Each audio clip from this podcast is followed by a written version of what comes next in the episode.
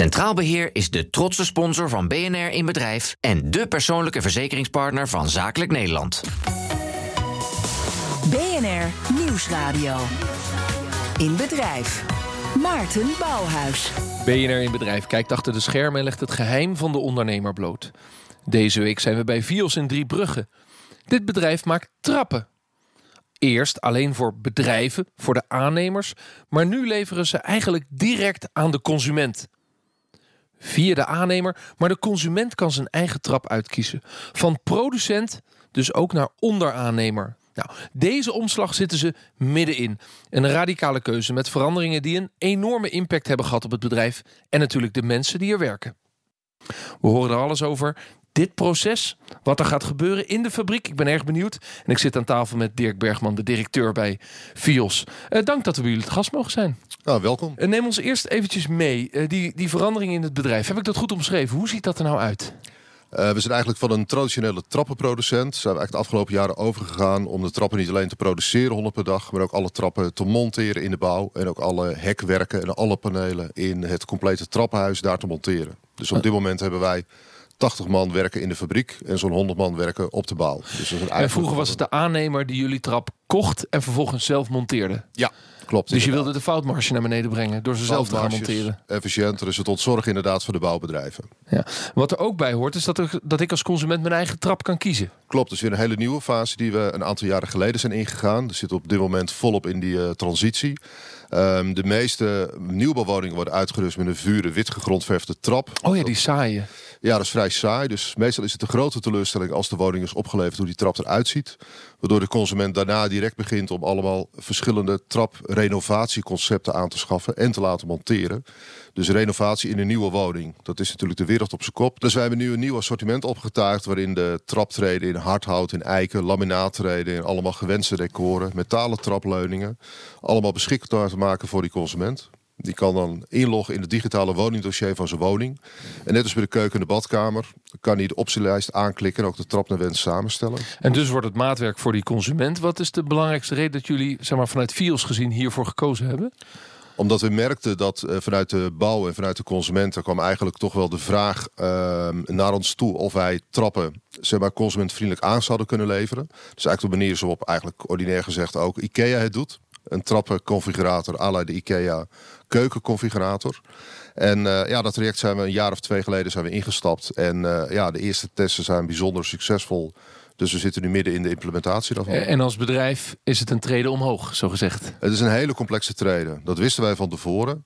Je gaat eigenlijk van een seriematige productie naar een stuksproductie, helemaal op maat.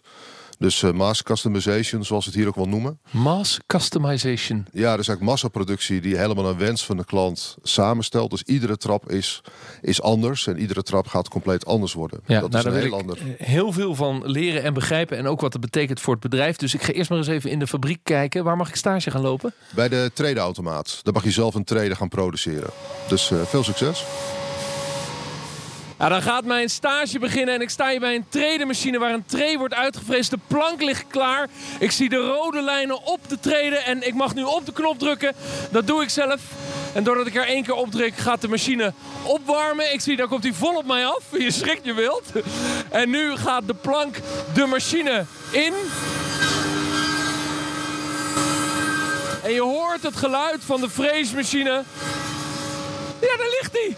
Het plankje is klaar. Wauw, dat is echt ongelooflijk. Nou, dan mag ik dus echt een kijkje gaan nemen in uh, een enorme trappenfabriek... die eigenlijk schuil gaat achter de kantoren van uh, Fios. En daar ontmoet ik uh, Lorenzo. Lorenzo, wat is jouw rol hier in de fabriek? Ik ben assistent productieleider. ik mag met jou door de fabriek heen lopen en we gaan een trap maken. Hoe lang duurt het eigenlijk om een trap te maken? Ja, rond de 4 uur. En uh, ongeveer 1 uur en een kwartier ervan is uh, verftijd. We staan nu bij de Verfstraat. Dus in 1 uur en een kwartier wordt dat gedaan. Maar waar we al langs zijn gelopen is uh, een computerscherm waarin ik de tekening van een trap zie. hoe belangrijk is dat voor de jongens dat ze precies die tekening kunnen volgen? Dat is heel belangrijk, want je ziet steeds meer koperskeuzes voorbij komen. Dus heel veel verschillende soorten onderdelen die in een trap zitten. Dus uh, we doen ook op de juiste onderdelen, op de juiste schermen uh, tevoorschijn toveren, zeg maar. Zodat de jongen weet wat hij moet doen aan speciale bewerkingen. Want een trap, eh, het hout komt binnen, dan wordt het gezaagd en dan wordt het gefreesd. En in al die stapjes eh, is het computer gestuurd en weet de medewerker, ik ben nu met deze trap bezig. En die is weer anders dan de volgende trap. Ja, we hebben een daglijst, die maken wij en die moet ook aan het einde van de dag klaar zijn. En elke afdeling volgt dezelfde route. Dus die zijn allemaal met dezelfde orders bezig, van boven naar beneden. En zo komt ook de informatie binnen. Dus uiteindelijk is het toch een soort massaproductie. Jazeker. Maar dan wel steeds voor trappen die ook anders kunnen zijn. Omdat ik een andere trappen stel dan mijn buurman. Ja, maar dat kan hem in uh, allerlei dingen zitten. Speciale ballustes, andere leuningen, ander soort treden. Uh, en heel veel dingen kan je toch uh, op de machine in dezelfde tijd maken. Veel medewerkers werken hier al lang. Jij werkt ook al vrij lang in, in de fabriek. Is het veranderd dat je nu maatwerktrappen maakt, maar wel in een productielijn? Terwijl vroeger in al die saaie Nederlandse huurwoningjes elke trap hetzelfde is? Ja, toen maakte je 50 links, 50 rechts van een merk A en een merk B. En dat is nu volledig verdwenen. je hebt nu veel meer merken omdat er veel meer keuze is. Dat is veel leuker om te sturen. En, en wat betekent dat voor de medewerkers ja, die jij aanstuurt hier? dat ze meer opletten wat ze doen. Maar dat wordt allemaal aangestuurd door de schermen die we hebben. Dus alle informatie is beschikbaar. Ik zag heel veel nationaliteiten omheen. Is dat ingewikkeld eigenlijk dan in zo'n proces? Nee, de meeste mensen kennen wel Engels. En we hebben ook uh, vijf uh, dove mensen. En dan doen we ook zeg maar gebarentaal of wat opschrijven. Of, je hebt tegenwoordig een app op de telefoon. Als je daarin praat, dan kan hij gelijk lezen wat jij zegt. Dus in principe gaat dat hartstikke goed. Je loopt er natuurlijk heel vaak op een dag op en af. Maar je hebt je nooit gerealiseerd hoe zo'n trap eigenlijk gemaakt wordt. Nou, ik heb het van dichtbij gezien.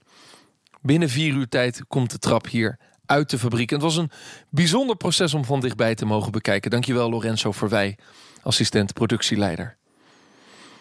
Die verandering van die trappen van massaproductie naar maatwerkproductie voor consumenten is dus een hele grote verandering voor het bedrijf zelf. Voor de manier waarop het bedrijf wordt aangestuurd en de mensen die ze daarbij nodig hebben. Om dat wat beter te begrijpen en ook te zien wat daarbij komt kijken, hebben wij even gebeld met Marianne Jansen. Zij is adviseur en specialist in verandertrajecten. En Karin Baks bel daarop. Goedemiddag, iConsulting. Je spreekt met Marianne Jansen. Dag Marianne, je spreekt met Karen Baks van BNN Nieuwsradio. Goedemiddag. Hallo Karin. Hi. Uh, Marianne, we zijn uh, te gast bij Vios in Driebruggen. Het is een uh, trapfabrikant.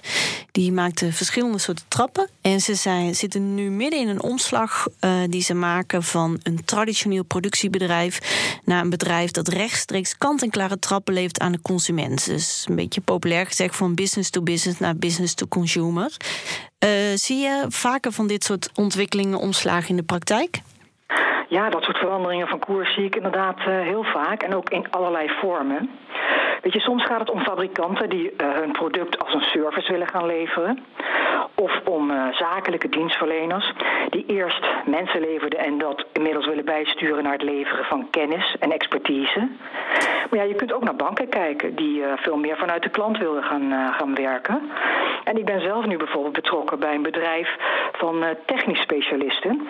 En vroeger konden zij als expert gewoon zeggen hoe iets gemaakt moest worden. Maar tegenwoordig wil de omgeving meepraten.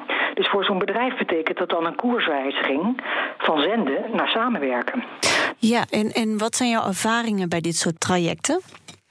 Nou, zo'n veranderproces dat raakt eigenlijk aan alles in het bedrijf. Hè. Dus denk aan systemen en processen, aan hoe je de dingen doet, maar ook en vooral aan de mensen met wie je zo'n verandering uh, gaat realiseren.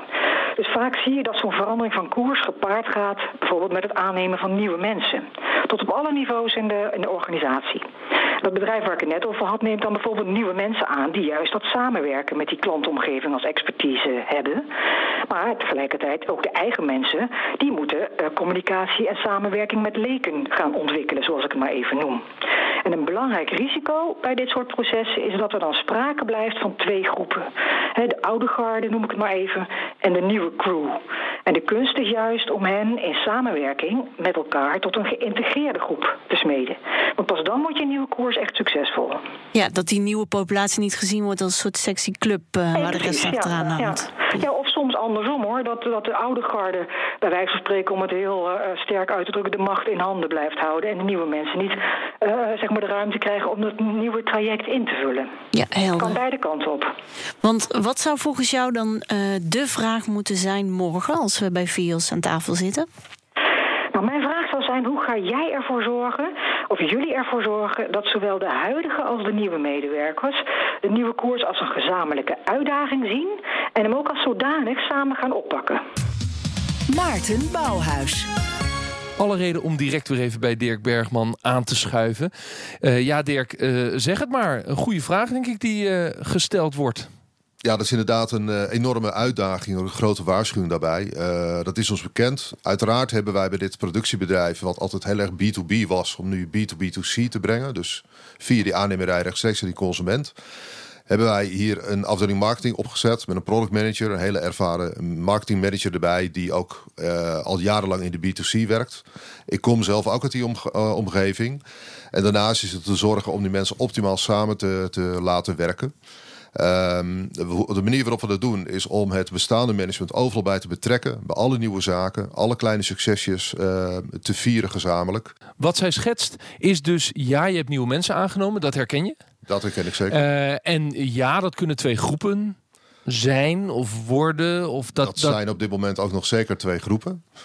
Um, en dat is de grote uitdaging om er één compleet team van te maken. En dat ene team voor hetzelfde doel te laten werken. Absoluut voor ja. hetzelfde team. En, en, wat is dan voor jou in de, in de rol als, als managing director de, de manier om dat te bewerkstelligen? Hoe, hoe ga je nou die synergie of die samenwerking tussen die groepen maken? In feite alle projecten, alles met het bestaande team, met de, zeg maar de, de oudere managementleden en het nieuwe team erbij, om dat te laten samenwerken. Ja, dus echt steeds gezamenlijk. Steeds gezamenlijk zaken op te pakken, succesjes erbij te vieren en iedereen heel goed mee te nemen. En met name ook alle mensen in de fabriek daar goed in mee te nemen. De monteurs die buiten bezig zijn, de buitendienst die monteren, die zien dat vanzelf natuurlijk wat die veranderingen allemaal zijn. Die zijn er enthousiast over. Jaren geleden is ook, zijn we door die transitie heen gegaan van een trappenproducent naar trappen monteren en aftimmeren. Dus ook een groot, heel groot project geweest. En dit is nog wat complexer daarbij. Ja, want veel bedrijven, medewerkers hebben altijd... Er wordt altijd gezegd, verandering is ingewikkeld. Hè? Verandering is ja. niet voor iedereen vanzelfsprekend. Is iedereen enthousiast over zeker die B2B2C... oftewel dat maatwerk trappenleven in die nieuwbouwhuizen? Is, is iedereen in het bedrijf daar zou er even enthousiast over? Het management is uh, absoluut enthousiast over deze hele strategie. Uh, het is wat moeilijker om de mensen uit de fabriek erbij te betrekken. Dus ook daar gaat het erom dat de afdelingschefs... om die regelmatig mee te nemen naar de bouw... om die ook te laten zien wat we daar aan doen zijn om te zorgen dat de afstanden in het bedrijf gewoon kleiner zijn. Ja, Lorenzo legde mij uit dat, dat hij eigenlijk het, het proces in de productie hetzelfde wil houden. Alleen ja. ja, er komt steeds een ander type trap langs. Ja. Maar de automatisering om 50 trappen hetzelfde te maken of twee ja. hetzelfde, daarvan is het doel dat dat hetzelfde is. Het doel blijft hetzelfde. Het blijft inderdaad de, de seriematige productie. Dus in feite de, de massaproductie die je houdt. Alleen er moet iedere keer een ander product uh, moeten langskomen. Dus inderdaad te vergelijken met de auto of met, uh, met de keukenindustrie. Nee, je omschrijft het als we zitten er middenin, hè, die laatste verandering. Ja. Um, wat is dan de, laten we zeggen, de, de, de fase van die verandering waar je nog naartoe moet? Waar het nog naartoe moet bewegen? Uh, het moet nog meer naar de versnelling toe. Dus we hebben nu een groot aantal testen lopen en best wel veel bouwprojecten. Maar het wordt de komende jaar wordt dat fors uitgebreid dat we naar 100% van, uh, van alle projecten willen. En nu is nog een deel van de projecten toch nog de bulk. Ja. 50 trappen links, 50 trappen rechts. Inderdaad. Nu zit je in deze verandering, ook aan jullie kant, om dus een ander type productiebedrijf te worden. Is er al iets waar je nu op terugkijkt van afgelopen jaar, twee jaar, wat je misschien anders had gedaan? Waarvan je zegt, ja, daar zit voor ons al een belangrijke learning. Uh, met name de automatisering. Dus de automatisering uh, dachten wij dat we dat absoluut uh, niet onderschat zouden hebben. Om al die koperskeuze orders hier digitaal binnen te halen en allemaal weer om te zetten in onze eigen systemen. Dat is een hele moeilijke. En de andere kant, ja, toch goed voeling te houden met ieder lid van het managementteam om die voldoende mee te nemen. Dus je dacht dus dat je toe... het niet onderschat had, in de zin van je hebt nee. daar veel in geïnvesteerd. Ja. En dan toch zitten daar hiccups in. Er zitten uiteraard hiccups in. Op een onverwacht moment dat je toch eventjes twee stappen terug moet om iedereen weer mee te nemen. Dat moet toch gek zijn dat je weet dat je in zo'n verandering zit, dat je weet dat je vol moet investeren in IT en dat het achteraf dan toch te weinig blijkt te zijn. Nou ja, als je op tijd de lessen leert, dan kom je daar ook wel weer doorheen. Ik loop nog even de fabriek in en ik kom uit bij de plek waar uiteindelijk de traponderdelen bij elkaar worden gepikt. eh, om eh, op distributie te worden gezet. eh, de deur uit naar de klant. Na een lange wandeling door het hele productieproces. Ik heb alle geuren in mijn neus gehad. Van, van vers nieuw hout tot en met natuurlijk het schilderwerk.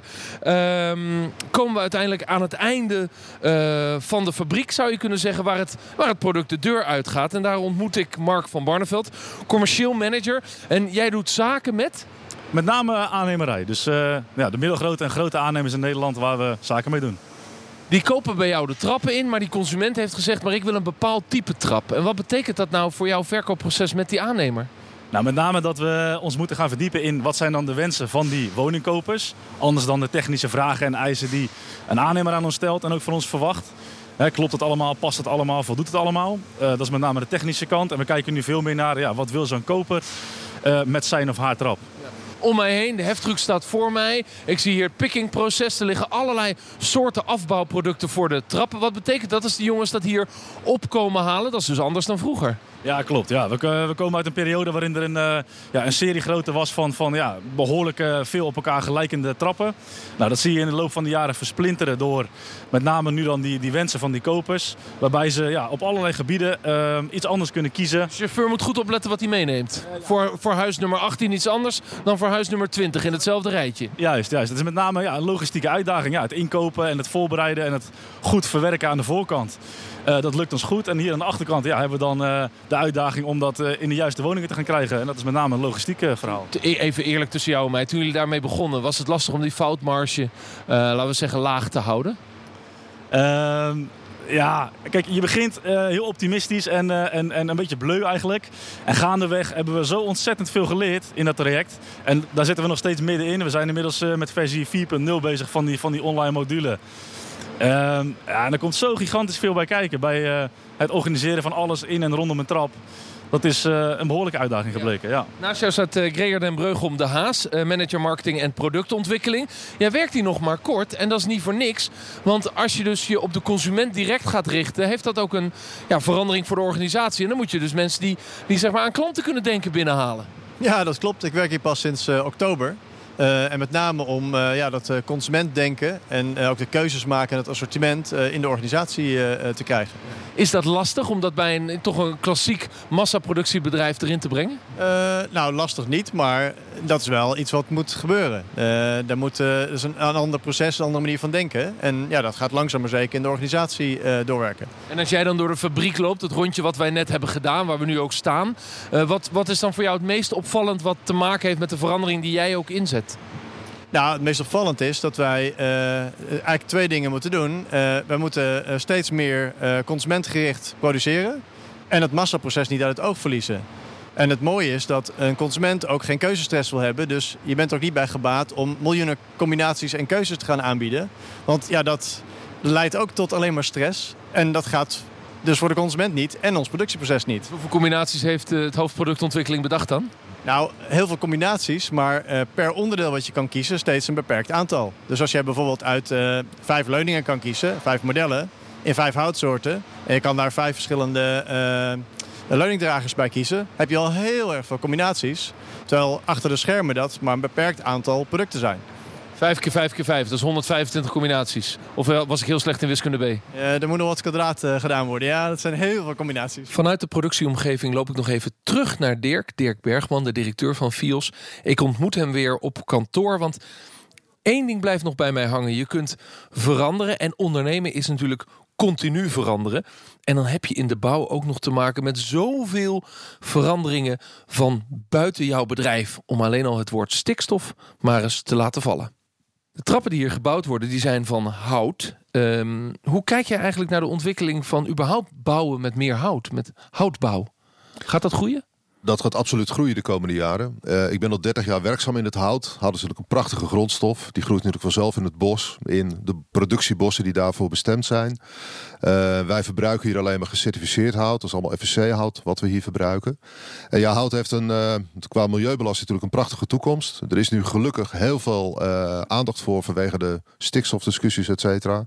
Houtskeletwoningen te bouwen, et cetera. Dus ja, wij verwachten gewoon een hele grote groei van de woningbouw in Nederland. Nederland. En met hout als grondstof. Zit er ook een stuk groeipotentie voor Vios of, uh, Vios, of hou je het bij trappen? Nee, wij houden het de komende jaren bij trappen. Dus alles omtrent uh, het inrichten van zeg maar, het complete trappenhuis. Dat is onze visie in Nederland. En daar, uh, ja, daar willen we in doorgroeien. Maar niet alleen in de nieuwbewoningen, ook met name in de renovatiemarkt. En dat is ook een hele interessante markt voor ons. Daar is nu een procent of 15% omzet scoren we daarin. En daar gaan we ook de komende jaren verder in investeren. Dat moet groeien naar de helft. Ja, inderdaad. En uh, daar willen we in uh, vervijfvoudigen. Je zei al even de stikstof. Uh, we zitten in Nederland nog steeds in die stikstofcrisis. Dat, dat is nog niet voorbij. Hoe zie jij dat om je heen? Want je werkt dus nauw samen met alle aannemers en in de nieuwbouwwereld. Vallen er inderdaad projecten stil? En of ja, worden offerte aanvragen met een soort van stikstofmodule anders bij jullie neergelegd? Uh, wij hebben er heel veel last van, de bouwbedrijven uiteraard ook. We zien projecten die gepland zijn, die voorlopig uitgesteld zijn, omdat er nog geen vergunning verleend is. Wij zijn er bezorgd, bezorgd uh, over, want uh, afgelopen jaar in 2019 zijn er 24% minder vergunningen afgegeven voor woningen. Met name voor grondgebonden woningen, want in appartementen zitten geen houten trappen. Dus wel in grondgebonden woningen, waar wij, dat is een heel belangrijk onderdeel van onze omzet. En ja, dus 2020 en 2021 zien we met zorg tegemoet. Ook omdat de provincies en de gemeentes die uh, geven nog steeds op dit moment uh, na de nieuwe wetgeving heel weinig vergunningen af. Wat voor stikstofanalyses wordt jullie dan gevraagd om te maken als toeleverancier van de bouw? Uh, in ons geval is dat met name uh, hoeveel transport we hebben... en met welke wagens, welke milieubelasting naar, de, naar het bouw toe. Uh, welke zware machines wij gebruiken op de bouw. Dat is in ons geval is dat heel erg beperkt. En daar worden alle analyses van gemaakt. Dus een voorbeeld mag noemen, dat is bijvoorbeeld de, de prefab trappen. Dat trappen compleet gemonteerd worden in de woning... die we hier in de fabriek in elkaar zetten. Dat deden we voorheen met diepladers. Dat er een zes trappen op een dieplader naar de bouw gaan. Nou, dat is een vrij zware milieubelasting. Nu gaan onze monteurs naar de bouw, zetten daar de plekken... S ochtends vroeg de trap in elkaar, die dan vervolgens direct in een woning worden getakeld. Dat scheelt een heel stuk qua milieubelasting. Zo zijn we met alle partners van de bouwbedrijven op zoek hoe we het stikstofbelasting kunnen verminderen. Dus het detail van elk proces en de stikstofuitstoot daaraan gekoppeld, ja. moet jij in een offertetraject in kaart brengen voor de aannemer. Ja, dat is onnodig voor alle vergunningaanvragen. Dus, dus iedere, iedere auto die daar naartoe gaat, ieder transport van uh, de monteurs van de eigen materiaal. Onze monteurs nemen de eigen materialen mee. Dat wordt allemaal in kaart gebracht. Er allemaal gekeken of dat beter, efficiënter, milieuvriendelijker kan. En houtbouw uh, kan een, een, doorbraak zijn als het over stikstof gaat, maar zeker over duurzaamheid, over CO2-uitstoot. Dat natuurlijk toch een, een aanverwant, maar net een beetje een ander uh, thema is. waar komt het hout vandaan? Want als we dat de wereld over schepen, is het ook niet erg duurzaam.